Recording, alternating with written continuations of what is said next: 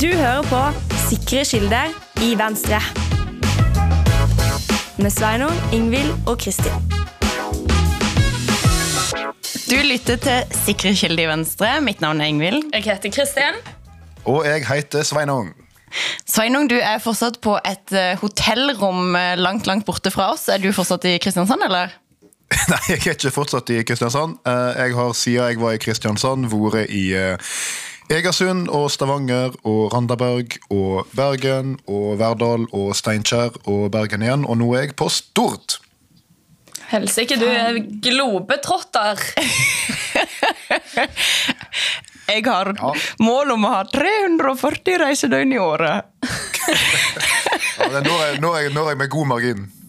Dette er en sketsj fra Tastepriv med Bård og Harald, så hvis ingen tok den referansen, så var det derfor. Alle burde se det. 100% Men eh, du er ute og reiser, ja. Egersund der har de jo fått sitt helt eget uh, valgkampkontor. Det er jo sånn at Disse store og rike partiene har jo ofte rett og slett råd til å ha sånne egne fancy lokaler rundt omkring i kommunene. Det er det få eller ingen, ok, noen få eh, venstrelag som har, men i Egersund så har de gjort sin egen løsning på det. Ja, de har, eh, de har rett ved siden av Arbeiderpartiet sitt store, flotte valgkampkontor midt i Egersund sentrum. Så har Egersund Venstre også et valgkampkontor. Det henger tre meter over bakken eh, og er på ca. 10 kvadratcentimeter. Og det er ei grønn fuglekasse der det står Venstres valgkampkontor. Så de er, de er veldig søte, Egersund Venstre. Kreative Ja. folk. Tipper de gjør et uh, kanonvalg. Gunnar Kvassheim, shout-out. Alle i Egersund burde stemme på han. Enig. 100% liksom. Ja.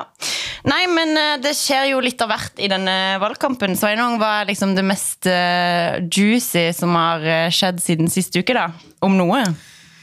Ehm, det skjer jo ting hele tida. Jeg kan jo nevne, altså Dere nevnte jo at jeg er globetrotter og reiser mye rundt. Eh, Jeg er egentlig ikke globetrotter, jeg er vestlandstrotter.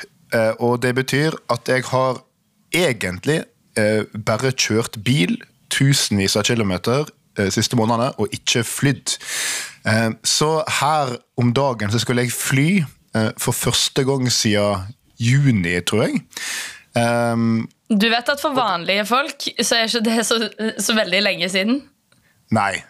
Nå har jeg ikke flydd på to måneder. Holy crap. Men jeg har aldri, på, jeg har aldri, på, aldri påstått at jeg er vanlige folk. Jeg er en Nei, det er sant. privileg, privilegert stortingspolitiker, så vi flyr masse. Men jeg har ikke flydd på lenge i en stortingssammenheng før nå, eh, nå eh, forrige uke. Eh, Og da skulle jeg fly til Trøndelag for å drive valgkamp der. Så jeg møtte opp på Flesland tidlig om morgenen og skulle dra. Um, men så ble jeg stoppa i sikkerhetskontrollen av eh, en sånn eh, vekter. eh, som sa 'er dette din sekk?' Og så sa jeg ja, det, det er min sekk. Ja, bruker du den mye til tur og sånt? Og jeg bare «Eh, ja, av og til. Ja, for du har to lange kniver i sekken din.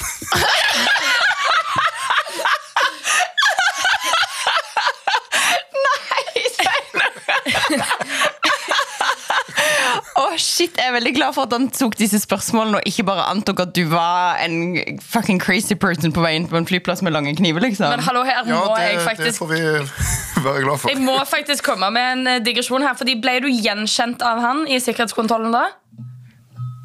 Jeg håper ikke jeg ble det, fordi han var veldig høflig og grei med meg. Um, og jeg håper de er høflige og greie med alle. Fordi det som skjedde, det var jo at Altså, Jeg har hatt noen kniver som jeg har brukt i sånne fisketurer, og sånt, ikke sant? og så har de blitt liggende i sekken uten at jeg har tenkt over det. Dette beviser bare at det er lenge siden jeg har flydd. Eh, og så tenkte jeg shit i helsike, dette er ganske dyre kniver, men jeg kaster dem i søpla nå. Og sa han, du, hør her, tok meg med på et bakrom, og så eh, fant han frem en konvolutt. Så la vi knivene i konvolutten. Så skrev jeg Faen, så skrev jeg adressa mi på den konvolutten og betalte for et frimerke, og så sendte jeg det hjem til meg.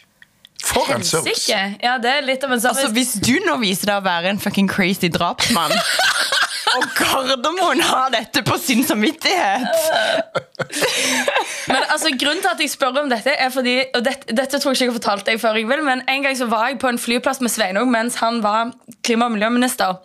Og da var det en person der, ikke en ansatt riktignok, dette var en annen liksom, flypassasjer, eh, som liksom, han drev og så veldig på Sveinung, og du så liksom at han tenkte sånn Faen, han har jeg sett før. Og så til slutt så kom han bort, og så sa han sånn Hei, du ser veldig kjent ut. Og så sa han Om du Og så tenker jeg, nå kommer det, sant? Er ikke du han fra venstre? Og Så sier han Om du bor på Nesodden? Du har bare den viben, Sveinung. Det har jeg nå ikke! Jeg synes at det var så fantastisk. Å, det er helt nydelig. Men et, et annet mal apropos som er basically det vi gjør i hele denne podkasten, er fordi Vi har jo snakka litt om sånn, ok, hvordan driver vi lokalvalgkamp, hvordan er det å være stortingspolitiker i lokalvalgkamp osv. Men vi har ikke vært inne på hvor jævlig mye du kjører. Jeg føler at jeg ikke gjør noen ting annet enn å kjøre bil, basically. Hva er skjer hvis du ikke har lappen? Da må du jo bli kjørt rundt, da, i så fall. Ja. Du er fucked. Altså, Jeg har kjørt 5000 eller 6000 km den siste, siste måneden, sånn cirka. Eh, Så det er, det er helt vilt. Du kjører sånn 200-300 km om dagen, gjerne. For du skal fra Bergen og inn til Odda, og så skal du ned til Stavanger. og det ja, det, det altså Hvordan det går an å drive valgkamp uten å ha sertifikat, det, det forstår jeg nesten ikke. altså. Altså, Jeg må bare sette dette litt i perspektiv, faktisk. altså, Det er jo bare 40 000 km rundt jorda. Så nå har du liksom snart kjørt en fjerdedel rundt jorda. Er ikke det sykt? Nei, det har jeg ikke, for det blir f- Nei, det, nå regner du feil. Nesten 10% Men samme det, det er langt. Ja, men Hvis du har kjørt 6000 km, det er nesten 10 000. Du er så jævlig glass half full her nå, Sveinung. Det gidder jeg ikke. Rund opp! Det er veldig få dager igjen til valget. Ja, ja, ja, her Nå nå. må jeg snart begynne å snakke litt om det liberale sentrum her. Og komme meg modus. Men Sveinung, du, jeg føler altså, basically denne podkasten skal handle om det, for du har gjort så jævlig mye rart i det siste. Plutselig så ser jeg en eller annen mann som står og sprayer krem inn i munnen din liksom på Hva? VG. Hva faen er greia?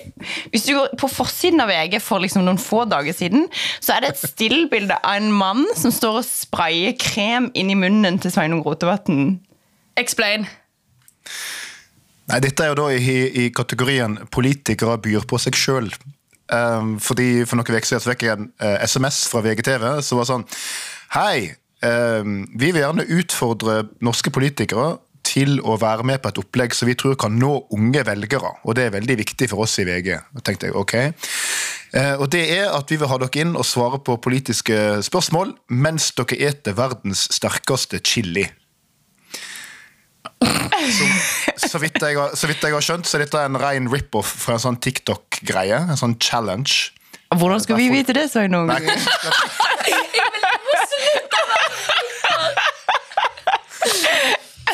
Nei, hvordan skal men vi sånn vite det, vi som ikke er på TikTok? Nei da, Sånn så, så det var har jo vært mye på internett. Ja, det har jo det. Nei, så det var basically greia da. Jeg var hos eh, VGTV, og så stilte de meg sånn spørsmål sånn Hva syns Venstre om legalisering? Hva syns dere om klimamåla? Mens vi åt sterkere og sterkere mat. Uh, og jeg drev og tøffa meg litt, da, for at det første tinga vi åt, det var ikke så veldig sterkt. Mens programlederen syntes det var veldig krevende, så jeg tenkte at dette går fint. Og så kom de med den siste, som er sånn rent faktisk være sterkere som chili, tror jeg. Eh, og den kom de med og sa veldig nøye vi kan ikke ta på den med hendene våre. Eh, vi får hansker. Så det er jo litt urovekkende i seg sjøl. Eh, og så fikk jeg den og spiste en bit av den, og så skulle jeg snakke om hvorfor du skal stemme Venstre. Og da smalt det. Og jeg måtte trykke den nødbjella som gjør at det kommer en kar inn med en sånn sprayboks med krem som du kan få inn i munnen for å, ja, for å dempe smerten. Det er det villeste jeg har hørt. Sier du krem? ja. Ah, ja, det er rart. Ja, nei, krem, eh, som er det det heter. Jeg bare det, Det var det du tok Ja, ja. ut av denne historien. Ja, ja, absolutt. men uh, du byr på deg sjøl, med andre ord, Sveinung. Og det er jo litt sånn eh, politikere kanskje jeg vet ikke, føler at uh, må gjøres i løpet av en valgkamp for å komme på. Hva syns vi egentlig om det? Altså, Jeg er jo ikke så veldig glad i det. da. Det er vel mer sånn i kategorien 'dette må du bare gjøre av og til'. Eh, eller jeg kan diskutere om en må gjøre det, altså du må kanskje ikke det, men eh, altså vi lever jo i en eh, en bransje der vi uh, trenger oppmerksomhet. Altså vi må, I vi må nå ut til folk, uh, og det gjør vi jo i all hovedsak med politikk. Uh, men, men samtidig så er det sånn Hvis du er med på en del litt andre ting, så kan du nå ut til folk som vanligvis ikke ser på debatten, liksom, eller Politisk kvarter. F.eks. Uh, ungdommer som er på TikTok og følger VG. Uh, og sånne type ting. Eller uh, ja, for å ta en annen sånn greie jeg gjorde en gang. Uh, en gang så var jeg med når Stian Blipp hadde et lørdagsprogram på TV 2. Så var jeg med han i en sånn trykkammer som dykker av gårde eh, til 50 meter under havet, eh, og gjorde et intervju der og skulle spille fløyte. Eh, og fikk sånn pipestemme. Å ja. Men Ingvild, driver du med disse tingene? Byr du på deg sjøl? Har du måttet by på deg sjøl i det siste? Jeg føler ikke at jeg har gjort noe som har vært liksom utenfor min komfortsone i det siste. Eh, pluss at husk at jeg er ikke like kjent som Sveinung, så jeg blir ikke invitert med på disse tingene. Liksom. Og helst, helst, jeg, ikke at jeg, Dette var på ingen som helst måte eh, en eh, manifestasjon av at jeg ønsker å bli det, for det vil jeg virkelig ikke. Nei, jeg har ikke jeg har ingen, ingen indre ønske om å være med på sånne der kleine, morsomme ting som egentlig ikke er morsomt. Altså, Men unnskyld meg, du har jo vært med på to sesonger av et eget program om det, ung politiker som heter Folkevalgt. Sveinung, Ingvild det er så var sjenert. en, en dokumentar. Det var en dokumentar Du klarte for å å gjøre det til drama. for å si det sånn. ja, ja, ja, selvfølgelig alt det. Men det var en dokumentar for at unge mennesker skulle ha lyst til å engasjere seg i politikk. Og du har rett. Vet du hva, du har helt rett. Det var uten Men, men det var jeg sa, jeg sa i det siste. Det er liksom var da halvannet år siden det greia, eller ett år siden, eller et eller annet sånt der. Og ja, det var jævlig langt utenfor komfortsona mi. Yngvild vil gjerne egentlig ha mer oppmerksomhet, så hvis noen av våre lyttere ser henne på gaten, spør hun om hun er fra Nesodden. Dette blir bra. Åh, men eh, vi må, Kan vi må kan, jeg om, eh, kan jeg fortelle om en ting til, da? Eh, Ja, du kan fortelle om så mye du vil, Sveinung. Du er jo underholderen eh, i denne podkasten. Ja. Ja, ja, ja. Mi, mi, mi. Eh, men Men Sorry, Sveinung. Det var to av tre i denne podkasten er veldig store Papaya-fans. Ja. Og eh, ja. Det, det var en Meg, meg, meg. Ja. Mei, mei, mei, Ja. Eh, kan jeg bare komme med en bitte liten digresjon før du gjør det? Fordi at jeg teksta faktisk Sorry, Sveinung, men jeg teksta eh, Kristin fordi jeg var på et bedriftsbesøk. Og så eh, er det en referanse til en episode av Papaya hvor de Ikke bare én. Vi vi har lova hverandre at dette aldri skulle skje, men nå skjer det. Eh, eh, hvor de, det er sånn spørsmål Ja, hvor mange er det som jobber i NRK? Cirka halvparten. Og så er det liksom Og så er det en sånn lang utgreiing om dette, hvor de bare syns dette er kjempelattis lenge. Og så er jeg på et bedriftsbesøk, er sånn kanskje semi-kobla av i hodet. Og så er det noen som spør sånn Det var en forsker, da. Eh, en eller annen forsker som er der sånn Ja, hvor mange som jobber der? Og så sier han ca. halvparten. Og jeg liksom bryter ut i latter for å tenke sånn Å, alle her tar denne referansen, dette er kjempegøy. Men nei, nei, nei. Alle bare trodde at jeg liksom bare lo veldig veldig hardt av denne middelaldrende mannen sin vits. Og det er en situasjon jeg ikke ønsker å være i. Kjære til Steinar, Bjarte og Tore. Ok, Sveinung, eh, hva var det du skulle si?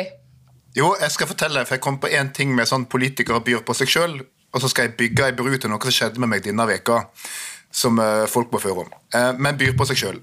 for ca. ti år siden eh, så var jeg med på et sånn eh, reality-program-ish på TV2 som heter Valgcamp.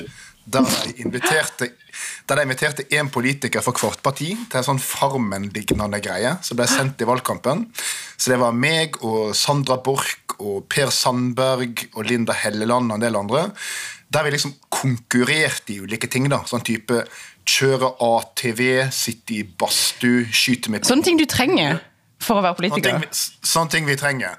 Um, og så, um, når vi skulle spille inn liksom vignetten, da, eller lage bilde til introen til denne serien, så var en av greiene at jeg og Per Sandberg skulle liksom springe ut på en sånn flytebrygge og hoppe ut i, i innsjøen. For det skulle være sånn idyllisk. ikke sant? Sånn flotte bilder av at vi bada.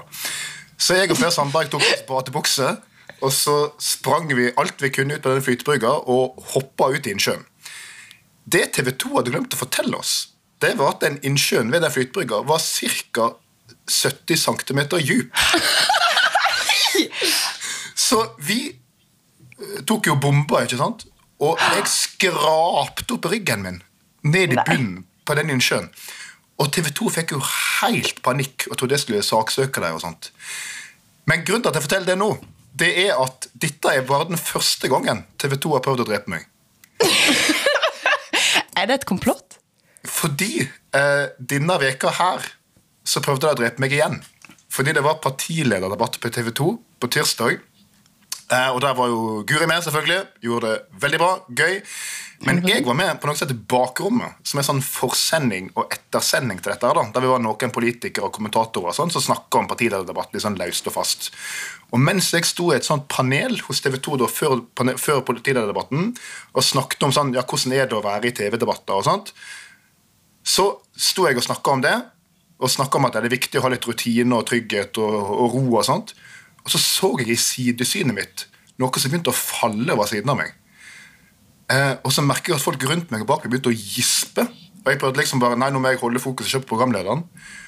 Og så smeller det i bakken ved siden av meg. Det smeller! Det, det smeller. Og det som skjer Det smeller.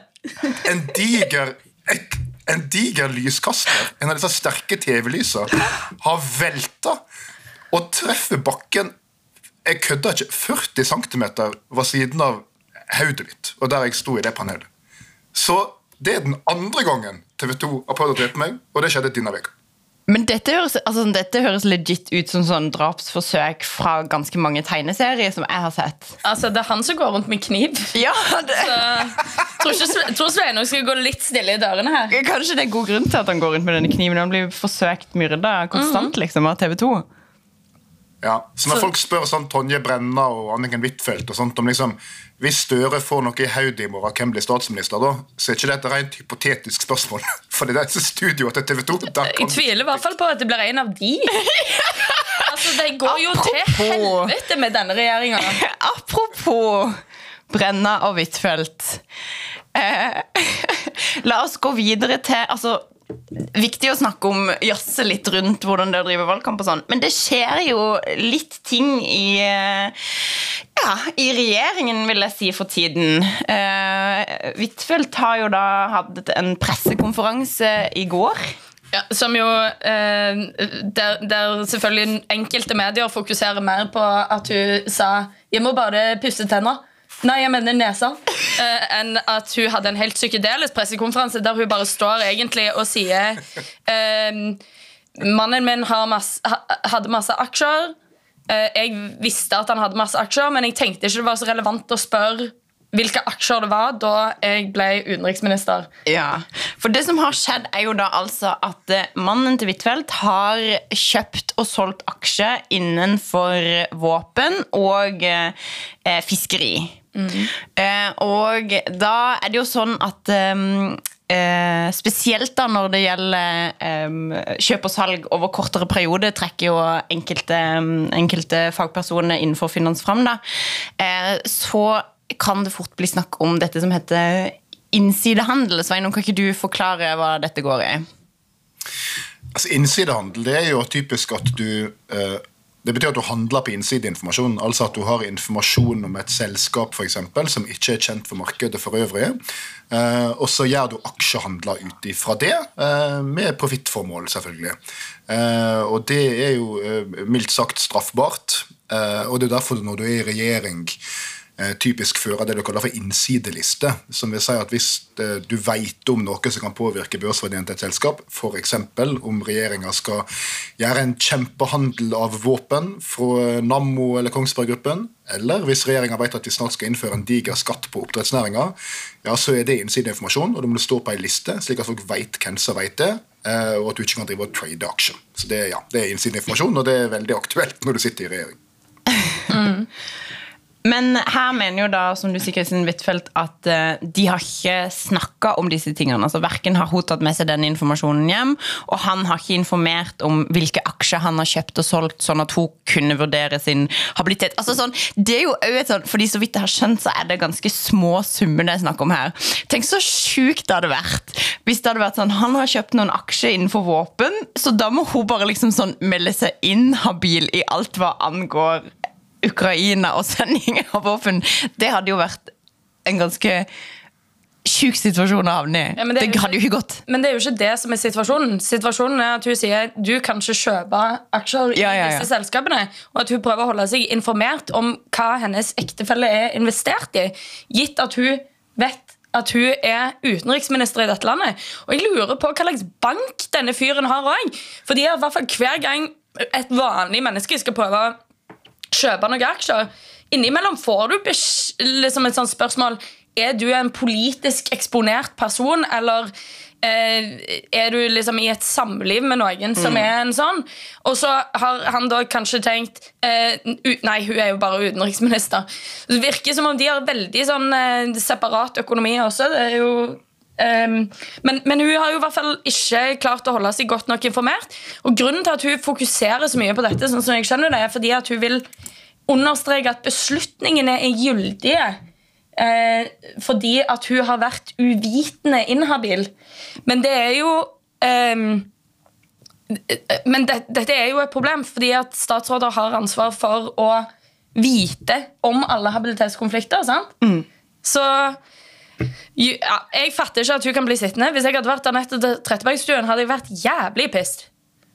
Men det er veldig mye rart her. Fordi at for det første, det er det som du sier, Kristin, med sånn politisk eksponert person. Altså Det må du jo krysse av på når du driver og kjøper aksjer, så vidt jeg vet. Eh, Og en del av oss må jo krysse av på det der hele tida, at du er en politisk eksponert person. Det er for øvrig fryktelig irriterende hvis du f.eks. skal spille på hest på, eh, på Rikstoto, eller på- gå på kasino i utlandet. Eh, For Hvis du da krysser av på at du er en politisk eksponert person, da tar det lang tid før du får lov til å, å kaste vekk pengene dine. Men Det er det ene. Og det andre som er rart her, er at altså, en snakker jo om det her som om liksom dette er altså, en nærstående i vanlig forstand. ikke sant? Altså, altså at du, Det er noen du kjenner eller i familie med som, som blir begunstiga. Men det er klart når du er gift med hverandre, så er det jo for det første definitivt nærstående. Og for det andre så har du jo normalt felles økonomi eh, og felles eie. Nå vet jeg ingenting om dette ekteskapet, så for alt jeg vet så kan det være at de har helt egne avtaler. og sånt, Men normalen i hvert fall normalen i ekteskapsloven er jo at du har felles eie. Så det er klart at når han driver og investerer i aksjer, så er det jo også hennes verdier, og det er deres felles økonomi. Så, så det er det, det tilsier jo åpenbart at du skal være forsiktig, veldig forsiktig. Eh, og så er det jo det spørsmålet jeg synes hun svarer dårligst på, det er jo Hun sier jeg visste ikke at han hadde investert i disse ulike aksjene. Og det får vi jo bare tro henne på. Men hun visste at han investerte i aksjer. Og hun visste at han investerte i enkeltaksjer, ikke bare fond. Og det spørsmålet, hvis du visste det, var ikke du det minste nysgjerrig på hva type aksjer han investerte i i denne familieøkonomien? Det forstår jeg ikke, rett og slett, at hun ikke har spurt om. Og Det, det er selvfølgelig lov å, å på seg ikke spørre og ikke eh, tenke, men, men, men det her er veldig underlig. Altså. Det er vel en av de de tingene kontrollkomiteen må gå litt dypt inn i. vil jeg anta. Ja, det er Grunde som får eh, nok å gjøre nå. Det, altså, denne regjeringa skaper nok arbeid for eh, Grunde og kontrollkomiteen. Altså. Absolutt. Men det er Når skal så, det ta slutt? Nå skal det ta slutt. Men, men det som er litt altså det som er det alvorlige her, da, det er jo eh, som nær sagt som alltid ikke at det faktisk har skjedd noe liksom, der noen har prøvd å begunstige seg sjøl. For det, det, det vet vi ingenting om. Eh, så Mest sannsynlig får vi bare tro dem på at her har det ikke vært delt noe innsideinformasjon. Det har ikke vært noe ureint trav. Eh, på samme måte som vi får bare anta at f.eks. Borten Moe ikke visste noe om våpenkjøp før han investerte i aksjer. Så vi må, vi må måtte tro dem på det. Men det er ikke problemet. Altså Problemet er jo hvis det kan bli oppfatta slik, eller folk har grunn til å mistenke det. Det er jo det inhabilitet handler om. ikke sant? Altså Hvis du har grunn til å tro altså Hvis dette her kan skape et inntrykk av at myndighetene begunstiger seg sjøl privatøkonomisk eller ikke opptrer uavhengig, så er det i seg sjøl et problem. Og det er klart at Når du sitter og er ektemann til utenriksministeren og investerer ganske mye penger faktisk i enkeltaksjer, eh, der kursen helt opplagt blir påvirka både av hennes beslutninger og regjeringas beslutninger, så er det i seg sjøl et kjempestort problem for tilliten til regjeringa og tilliten til forvaltninga. 100 altså Huitfeldt er jo altså sånn, for å si det sånn, Hvis hun sier at det, dette har vi faktisk ikke snakket Jeg tror Hun virker som det mest ordentlige mennesket som eksisterer på denne planeten. Helt enig. Så det er jo det som, som Sveinung trekker fram her, som er den store utfordringa. Ja, så vi får se. Vi, får, vi skal, ja, vi skal iallfall følge med på hvordan eh, Grunde og resten av gjengen i kontrollkomiteen behandler denne saken. Men shit, det begynner å bli eh, mange eh, drittsaker for re... Altså sånn det har jo vært mange drittsaker i to år, men nå begynner det jo å bli liksom påfallende heftig her. Absolutt. Men eh, hvordan går eh, Vi har snakker jo altfor lite om Oslo Oslo i denne podden her, Kristin. Jeg kunne selvfølgelig ikke vært mer enig. Det er for lite fokus på Oslo. Vi har masse folk ute nå som gjør en kjempejobb. Jeg tror dette kan gå bra. Jeg kan fort bli kan fort bli et godt valg for Oslo Venstre. I hvert fall hvis vi klarer å holde det helt inn, og det har vi alle ambisjoner om å få til. Og det er bare smooth sailing, eller? Hva sa du? Er det bare smooth sailing? Ja, nei, det, det meste går bra. Men Kristin, jeg, jeg, følger litt med på sosiale medier. Og da ser jeg at det er veldig mye bilder av eh, folk som står på stand og koser seg og holder på for eh, Venstre i Oslo. Kjempebra. Og så ser jeg at du sitter på Twitter og krangler med MDGs Eivind Trædal eh, om eh, samarbeidskonstellasjoner i Oslo-politikken. Er det god bruk av tid to uker før valget? Kanskje ikke, men eh, eh Eller jo, Det må jeg jo bare mene at det er for så vidt. Jeg, eh, jeg, hadde fått hjerteinfarkt hvis jeg ikke kunne krangle med Eivind Trædal. Fordi han provoserer meg noe helt enormt. Nei, han gjør det. Um, men, okay, men, men, på, men, jeg jobber, altså. Men svar på kritikken hans. For det, det han, altså jeg har lagt merke til at MDG nå de, driver, de egentlig slutter å drive valgkamp for vår tids viktigste sak, klima og miljø. Nå driver de bare valgkamp for at folk ikke skal stemme på et annet miljøparti, nemlig Venstre. Eh, og jeg ser at Det som er liksom det de deler på sosiale medier nå, det er ikke stem på Venstre, for da får du eh, Industri- og Næringspartiet i byråd. Hva, eh, grei ut og forklar. Hva er dette for noe? Nei, altså, det, det, virker som om eh, jeg, jeg, er litt usikker. Jeg, ikke usikker, jeg er veldig overraska over at dette liksom skal komme eh, nå. Venstre har hatt samme posisjon hele tiden. Det, Oslo Venstre går til valg på det samme nå som vi har gjort siden juni 2019. Ingenting i Venstres posisjoner eh, endrer seg. Vi ønsker oss et blå-grønt byråd med Høyre. Og så har vi òg eh, invitert MDG til samarbeid. Det er helt naturlig for oss, fordi det er de to partiene som vi ligger nærmest politisk, til sånn Industri- og Næringspartiet og SV og Rødt og Fremskrittspartiet og sånn, så er det stor politisk avstand. Mm -hmm. Det er helt naturlig for oss å gå til valg på å samarbeide med de to partiene som ligger oss nærmest politisk. Um, så det er fortsatt Venstres posisjon. Blå-grønt byråd. Og det er ikke usannsynlig at kan skje.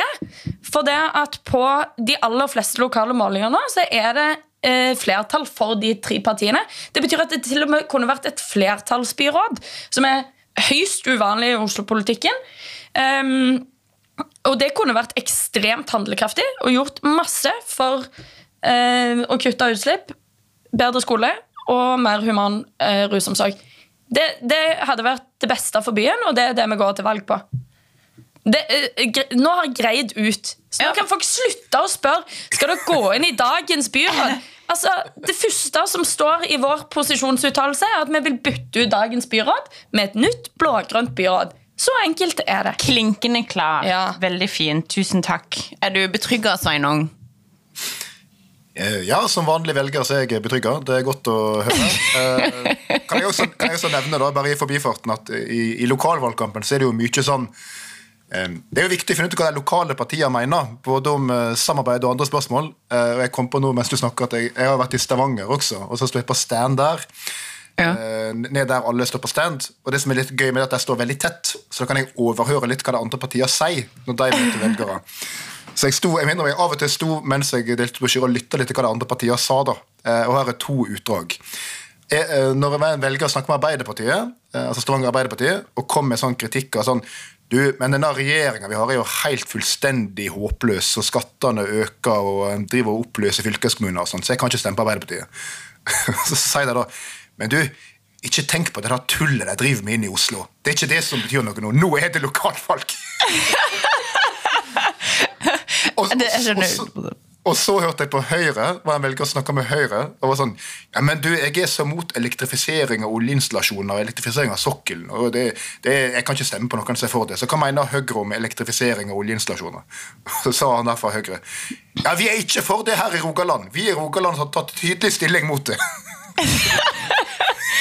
Så, som om det er Rogaland Høyre som bestemmer det. Så, ja ja, så en, eh, vi, vi, er alle fleksible når vi står på stand. Det er helt, helt Ja, sånn må det være. Men um, det, det, er bare å holde ut de siste dagene. Og dette er jo sykt viktig, for som du sier altså, I dag spiller vi jo også inn 31. Eh, august. I dag er det verdens overdosedag. I mange av disse storbyene så er jo nettopp dette med ruspolitikk en kjempeviktig sak, og det har det ekstremt mye å si hvilket eh, parti du velger. Mm. Det er 321 mennesker døde av overdose i 2022. Eh, det at noen kan slå seg til ro med måten norsk narkotikapolitikk funker i dag, med de tallene, det syns jeg er helt sinnssykt. Ja. Um, og de fleste av de er selvfølgelig i de store byene, sånn at det er jo i de store byene der uh, ja, der, der, man virkelig bør, bør, tenke at rus Det er ofte storbyproblematikk, da. Så det bør være en del av velgernes um, uh, vurdering, syns jeg. Mm. Um, her i Oslo så går jo Venstre til valg på uh, et brukerrom til. På døgnåpne brukerrom. I dag har uh, brukerrommet Det ene brukerrommet har, har åpningstider, som om folk liksom ikke er rusavhengige etter klokka ti på kvelden. Ja. Det er crazy. Um, vi går til valg på mer penger til de frivillige organisasjonene som driver med skadebegrensning, og på et værested for rusavhengige der uh, de kan oppholde seg i uh, ja, uten at Der man ikke skal føle at man blir liksom jaga, der man kan invitere til dialog og, og sørge for at det er skadebegrensende mm. tiltak og utstyr til stede og folk. Um, så uh, ja, jeg anbefaler å stemme på Venstre. uh, nei, men Der fant du formen igjen. Nei, men, det er veldig bra. Er nei, veldig men for, bra. Å, for, å, få en uh, mer human ruspolitikk det, jeg, jeg, jeg, bare, den, den, regjeringen som sitter nå, vi må aldri tilgi dem for at de torpederte rusreformen. Mm. Jeg mener det. Utilgivelig. ja, det syns jeg. Mm.